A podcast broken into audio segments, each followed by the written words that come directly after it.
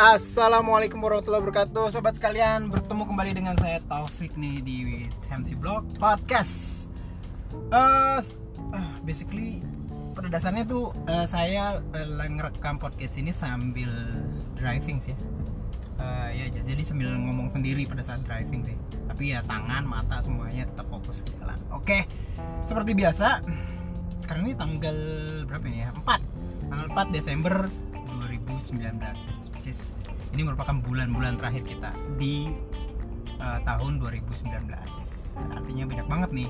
Uh, 2019 di podcast ini kita akan bicarain mengenai uh, mengenai musim 2019 ini di berbagai uh, ajang balap ya. Di ajang balap. Uh, terutama kayak misalnya kita ngomongin dulu di MotoGP. Mungkin nanti kita akan ngomong juga di uh, WSBK atau mungkin di kejuaraan-kejuaraan balap Asia. Khususnya di road race ya gitu. Di MotoGP oke. okay musim 2019 ini uh, boleh dibilang ya kita semua udah tahu bahwa di 2019 ini uh, Mark Marquez kembali jadi juara dunia gitu ya jadi juara dunia sehingga mengoleksi gelar juara dunia dia yang keberapa ya?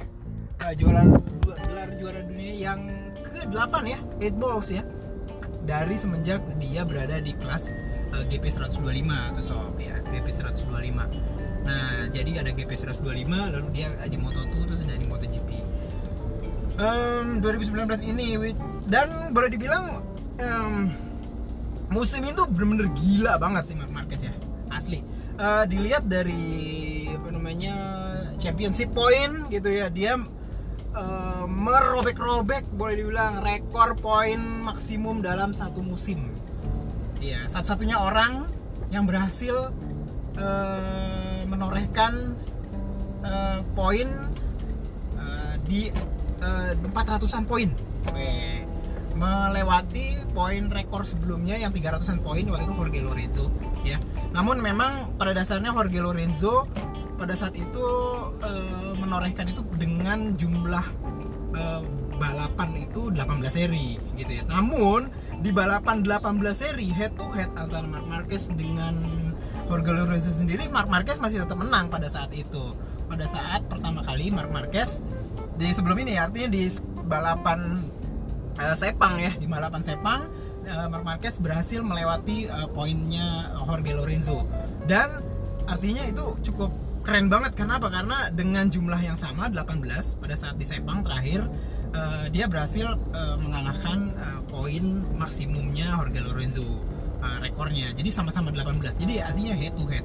Uh, no complaint ya. Jadi ada orang nggak nggak bisa nggak bisa oh lu kan kalau memang sih bagus tadinya awalnya seperti itu terus tapi kan uh, jumlah race-nya lebih banyak satu race. Tapi enggak pada saat head to head 18 race Mark Marquez berhasil mengalahkan poin maksimumnya dari Jorge Lorenzo.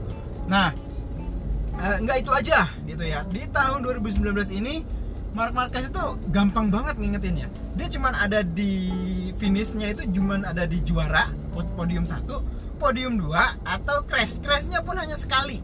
Crashnya itu di Austin gitu ya. Which is uh, crashnya itu gegara oh, gegara gara-gara adanya uh, kesalahan atau permasalahan uh, technical dari motornya sendiri. Which is kalau nggak salah waktu itu tuh um, ingat-ingat saya tuh pada saat di Austin itu mas mengenai masalah mapping dari engine brake gitu ya. Karena motornya waktu itu baru gitu ya di Austin itu mungkin seri 2 atau seri 3 gitu saya lupa.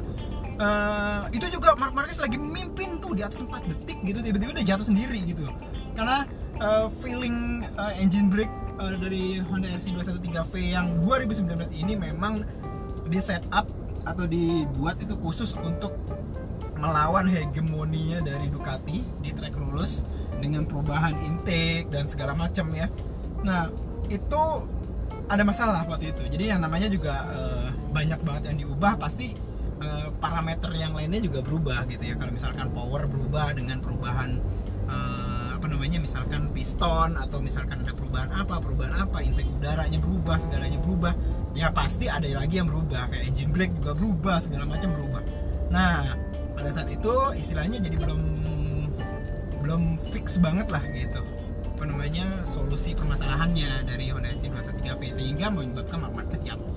Itu doang salah satu di mana eh, Mark Marquez enggak podium. Dan nggak podium tuh DNF langsung atau did not finish artinya nggak dapat poin nol gitu pada saat itu di Austin Texas. Selain itu Mark Marquez hanya finish 2 atau finish 1 which is ini amazing banget. Seseorang yang finish uh, sepanjang musim tuh hanya satu dua gitu ya selain uh, di DNF-nya dan saya pikir Mark Marquez sendiri sih ya entah nggak mau jumawa atau dia melihat realitasnya dia merasa bahwa 2019 ini kayaknya nggak bakalan mungkin dia bisa ulang lagi gitu loh. Uh, kegemilangan dia di 2019 ini untuk di tahun 2020 dan 2021 gitu ya. Uh, tahun ini Mark Marquez usianya 26 uh, tahun depan isinya 27 terus 28 Which artinya sebenarnya Mark Marquez masih berada di range usia-usia emas. Nah, di sinilah yang banyak uh, membuat orang berpikir bahwa sepertinya Mark Marquez masih tetap punya uh, apa namanya potensi untuk uh, menguasai bukan menguasai namanya untuk mendominasi untuk bisa hadir tetap di front row-nya MotoGP untuk di satu tahun dua tahun ke depan karena apa? Usianya masih 26 sob. Masih 26 gitu loh. Walaupun memang pembalap-pembalap uh, yang di bawahnya itu memang masih muda-muda terutama kayak Fabio Quartararo yang mungkin baru 20 21 tahun gitu loh. Dan uh, Mark Marquez tahun ini selain dia ya namanya juga usia bertambah mature-nya tambah gitu kedewasaannya bertambah uh, bagaimana dia memandang uh, championship bagaimana dia memandang kalau menang atau kalah atau bagaimana dia memandang apakah saya harus menang ataukah harus atau save point atau melihat championship nah itu tuh di tahun 2019 ini memang terlihat beda gitu. Pada dasarnya 2019 ini uh, basic uh, dari Honda RC213V itu udah menghadirkan kemapanan yang hadir di uh, musim sebelumnya 2018. Jadi memang HRC itu menghadirkan uh, penambahan power dan torsi gitu. Namun penambahan power dan torsi ini uh, memang akhirnya gitu membuat paling enggak dua pembalap lain yang menggunakan RC213V 2019 itu struggle. Jorge Lorenzo satunya lagi terus abis itu Carl Crutchlow oke ya. Mark Marquez kayak gitu ya. Selain dia apa namanya juara dunia Mark Marquez juga bisa mengantarkan Honda jadi juara manufacturer karena boleh dibilang juara manufaktur kan hitungannya kan adalah pembalap dengan poin tertinggi. Dan Mark Marquez boleh dibilang terus-terusan tertinggi gitu loh. Mungkin hanya di Austin doang gitu.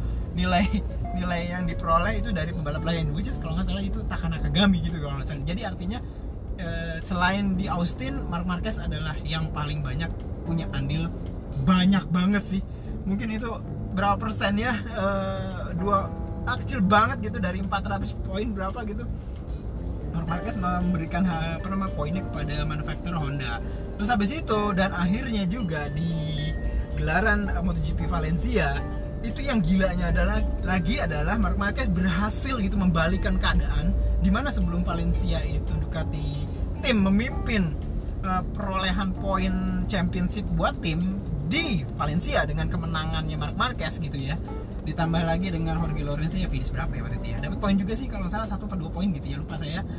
Akhirnya membuat Repsol Honda nih. Repsol Honda akhirnya jadi juara uh, tim 2019 which artinya Honda memperoleh triple crown lagi di 2019 ini. Mulang tahun-tahun sebelumnya kayak misalkan 2018 juga triple crown. Juara rider juara tim dan juara manufacturer. Jadi seperti itu.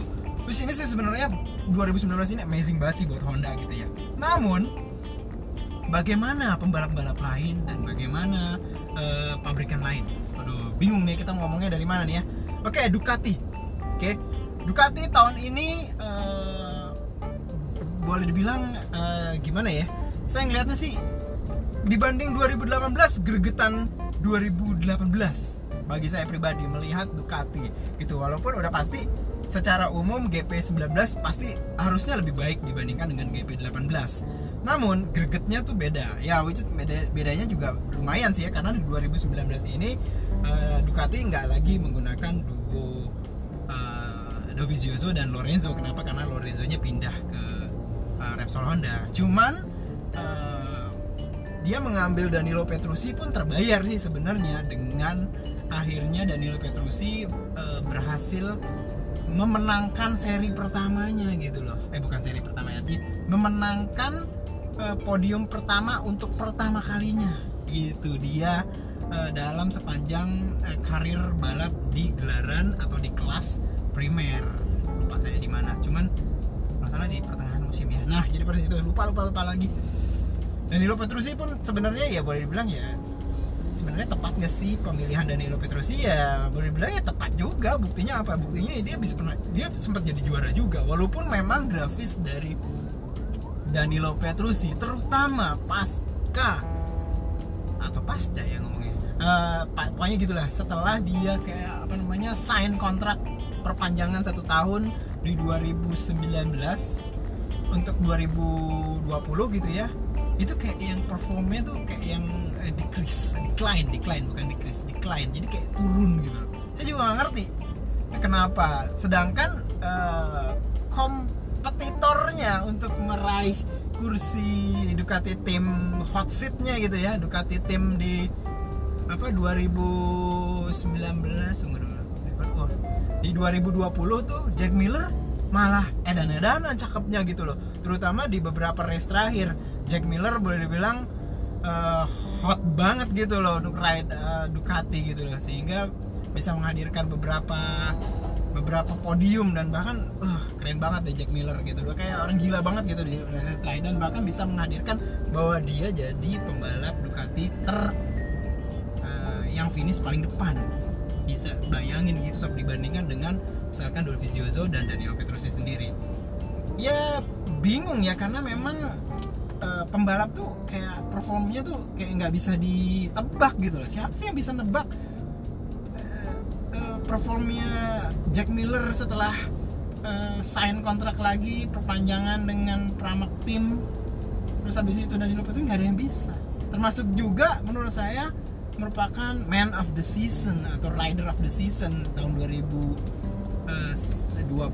yaitu eh, Fabio Quartararo gitu loh. Fabio Quartararo pada sobat sekalian tahu bahwa dia adalah pembalap yang mengakhiri season atau musim 2019 ini sebagai pembalap eh, rookie paling cemerlang.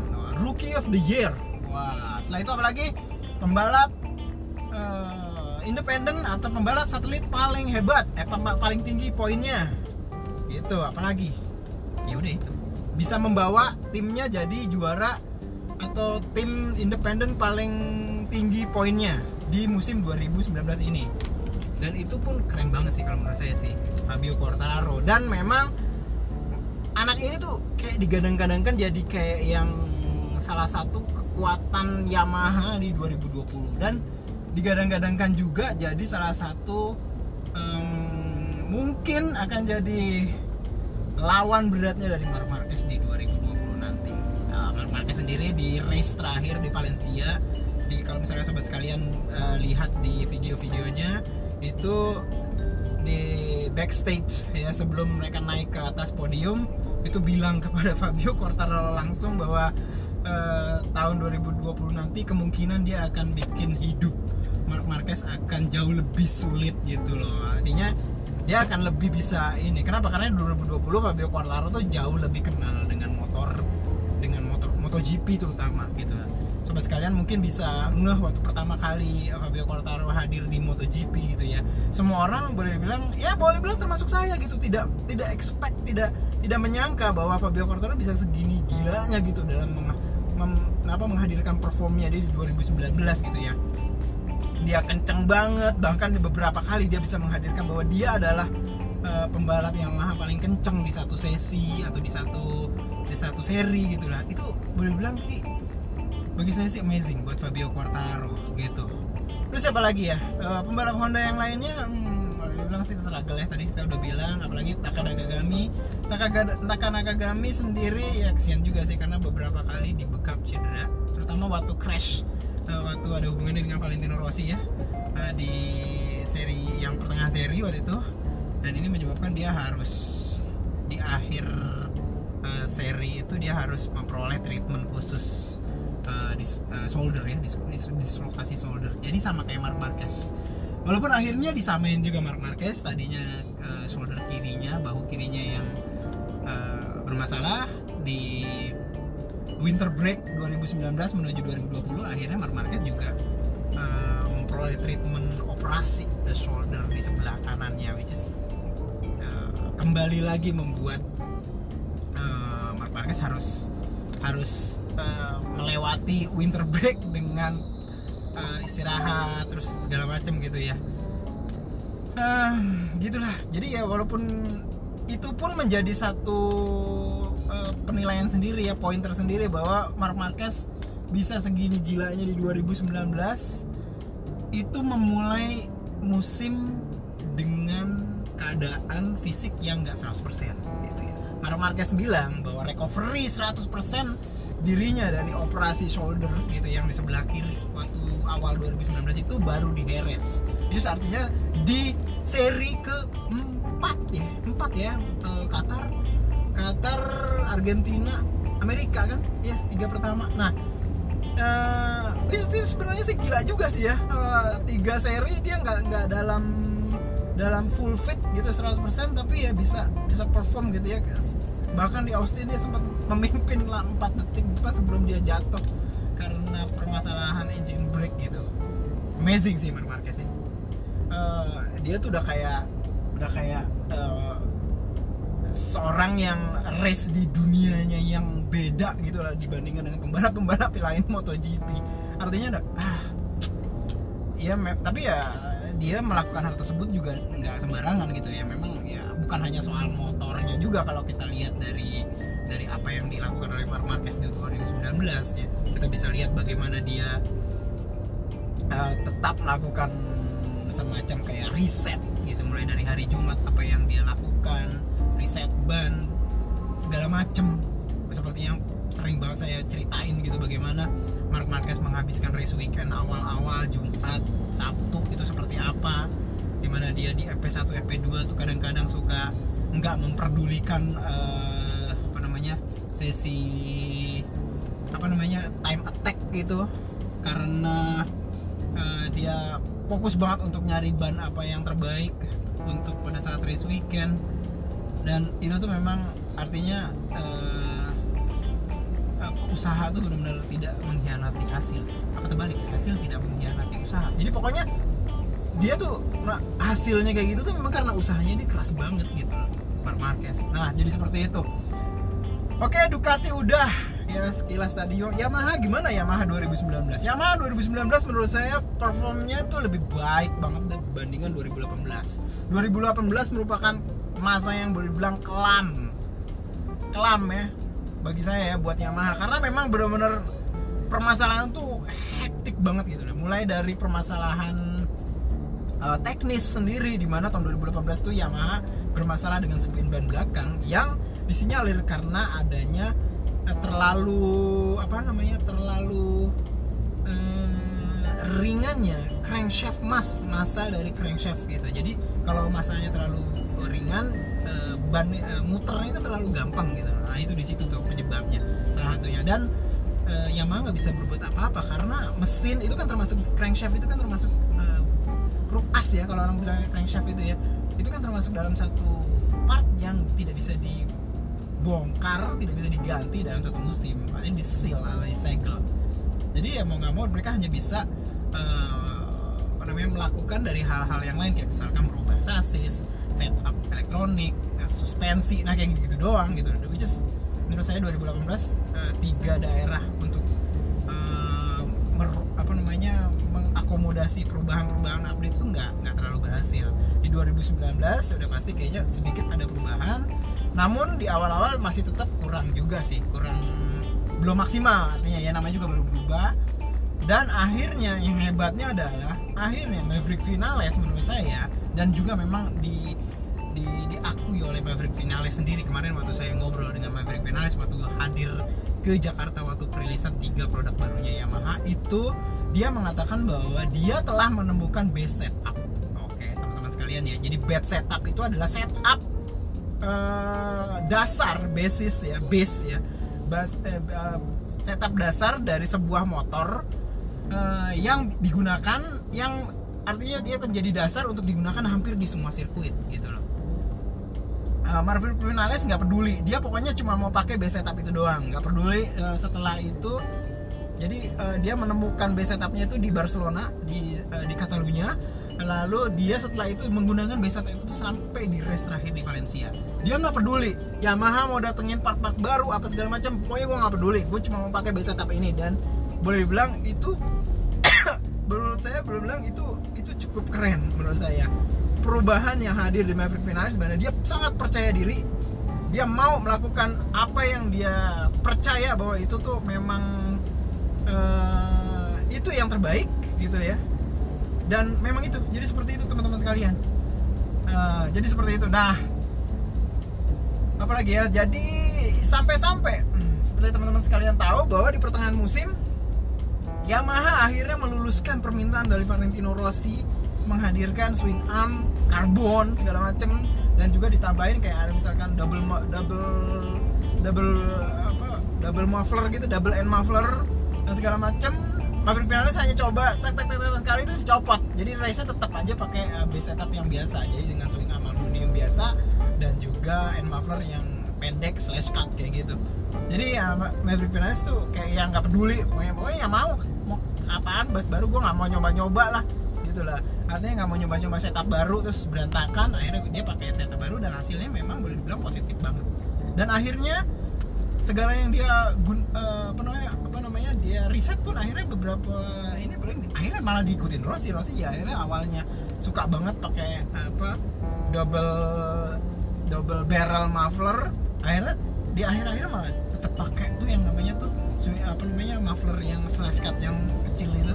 Jadi ya benar-benar sih menurut saya sih kayak yang Yamaha tuh sekarang sudah kayak menemukan lagi tuh sosok rider developer yang boleh dibilang bisa jadi pegangan gitu setelah lepasnya Jorge Lorenzo gitu dulu. Jadi ya menurut saya Maverick sudah menemukan caranya untuk bisa uh, menjadi rider developer di Yamaha M1 aduh jangan sampai deh mudah-mudahan sih uh, si Maverick Vinales itu tidak tidak keluar ya dari dari dari dari Yamaha sendiri sih untuk ke depannya gitu loh saya pikir sih gitu. Mudah-mudahan juga nggak nggak nggak keluar dari Yamaha. Jadi karena karena dia tuh uh, udah strategi udah oke okay banget menurut saya dan boleh bilang jadi modal awal gitu.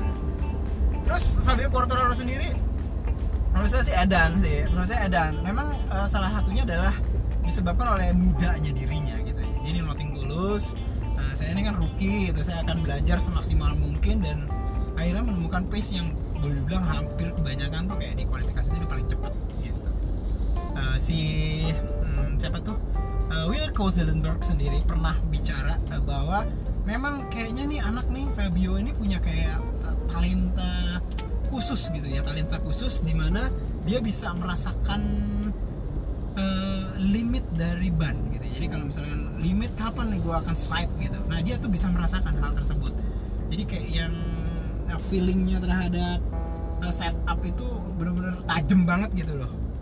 Uh, tajam banget sehingga boleh dibilang uh, ini bisa bahas apa memberikan dia tuh gue akan geber terus sampai gue merasa uh, limit itu hadir. Wah bisa makanya bisa keren banget gitu. Jadi nggak ada ketakutan ketakutan segala macam itu di Fabio Quartararo. Honda udah uh, Yamaha udah Ducati udah. Apalagi Suzuki. Wah Suzuki boleh bilang ya walaupun memang tidak heboh banget? Tapi ya cukup lah. Rins terlihat cukup menang sempat sekali menang. Menangnya juga lawan Marc Marquez. Sampai di finish line itu merupakan uh, ini sendiri sih buat buat apa? Buat seorang Alex Rins gitu ya. Kebanggaan sendiri gitu ya. Dan menurut saya tahun depan uh, si uh, Joan Mir pun akan bisa menghadirkan sesuatu yang lebih gitu di GSX RR itu menurut saya sih tepat untuk di tahun-tahun depan. Permasalahannya sebenarnya uh, GSX RR tuh masih tetap merupakan inline four paling kencang sih sebenarnya. Bahkan top speednya mungkin lebih cepat dibandingkan dengan uh, si Yamaha M1 gitu ya. Cuman memang uh, untuk uh, speed corner eh speed corner ya speed corner apa corner speed? Corner speed sorry. Corner speed tuh memang Yamaha masih uh, lebih uh, lebih bagus lah gitu lebih kencang di corner speed. Uh, jadi seperti itu aja untuk Suzuki saya nggak gitu terlalu banyak. Aprilia uh, tahun 2020 katanya dia akan menghadirkan uh, RSGP yang jauh lebih baru banget karena 100, hampir 100% baru. Hampir tidak ada part di 2019 yang dipakai di motor uh, 2020 uh, performanya di tahun 2019 ini sih so-so aja sih. Nggak, saya nggak terlalu terlihat banyak heboh cuman memang kehadiran uh, Massimo Rivola ini memang cukup memberikan uh, aura warna gitu ya terhadap Aprilia karena dia mem mem mem memegang kayak PR-nya segala macem untuk Aprilia ini. Sementara uh, lagi siapa ya namanya ya Aprilia lupa saya tuh. Yang satunya lagi itu uh, memegang segi teknis dan segala macem. KTM, wih KTM KTM boleh bilang menurut saya juga meningkat dan ini pun meningkatnya ini salah satunya disebabkan oleh tangan dingin dari Dani Pedrosa sendiri dalam menghadirkan atau meriset motor apa yang uh, terbaik untuk AKTM sendiri gitu ya. Uh, dan memang menurut saya sih tepat banget gitu ya. Karena memang aura tim uh, KTM sendiri sih memang udah Pedrosa banget gitu. Mike Leitner terus hampir banyak pokoknya banyak banget bisa dilihat uh, anggota tim dari KTM itu memang bekas anggota tim yang pernah membesarkan dari Pedrosa pada saat dia di uh, MotoGP terutama di sebelum 2010 waktu itu gitu. Jadi mungkin memang klop banget sih kerjasama antara antara Dani Pedrosa, KTM, Mike Leitner dan segala macam. Dan ini membuat uh, apa namanya development jadi semakin bagus kita lihat sendiri di 2020 nanti sepertinya sih um, salah satu perubahan paling signifikan yang hadir di KTM adalah mereka semakin memperkecil atau memperkecil sense uh, sasis tralis gitu loh. Pada saat uh, pengetesan di Valencia dan Jerez terlihat mereka sudah mulai menggunakan sasis yang kayak kotak-kotak gitu ya. Jadi kayaknya sebenarnya kayak tetap kayak mengarah twin spar tapi kotaknya itu masih menggunakan kotak yang baja gitu. Jadi seperti itu teman-teman sekalian. Well, untuk KTM Aprilia KTM apalagi. Nah udah. Jadi kira-kira begitu untuk MotoGP preview pasca uh, musim 2019 itu aja. Mudah-mudahan uh, menarik untuk diperbincangkan dengan teman-teman sekalian. Jika masih ada yang mau di mungkin ada masukan kira-kira uh, Tips Blog Podcast mau bicara apa lagi silahkan tulis di kolom komentar baik di Anchor maupun di Spotify dan lain-lain. Itu aja. Sampai bertemu di podcast selanjutnya. Assalamualaikum warahmatullahi wabarakatuh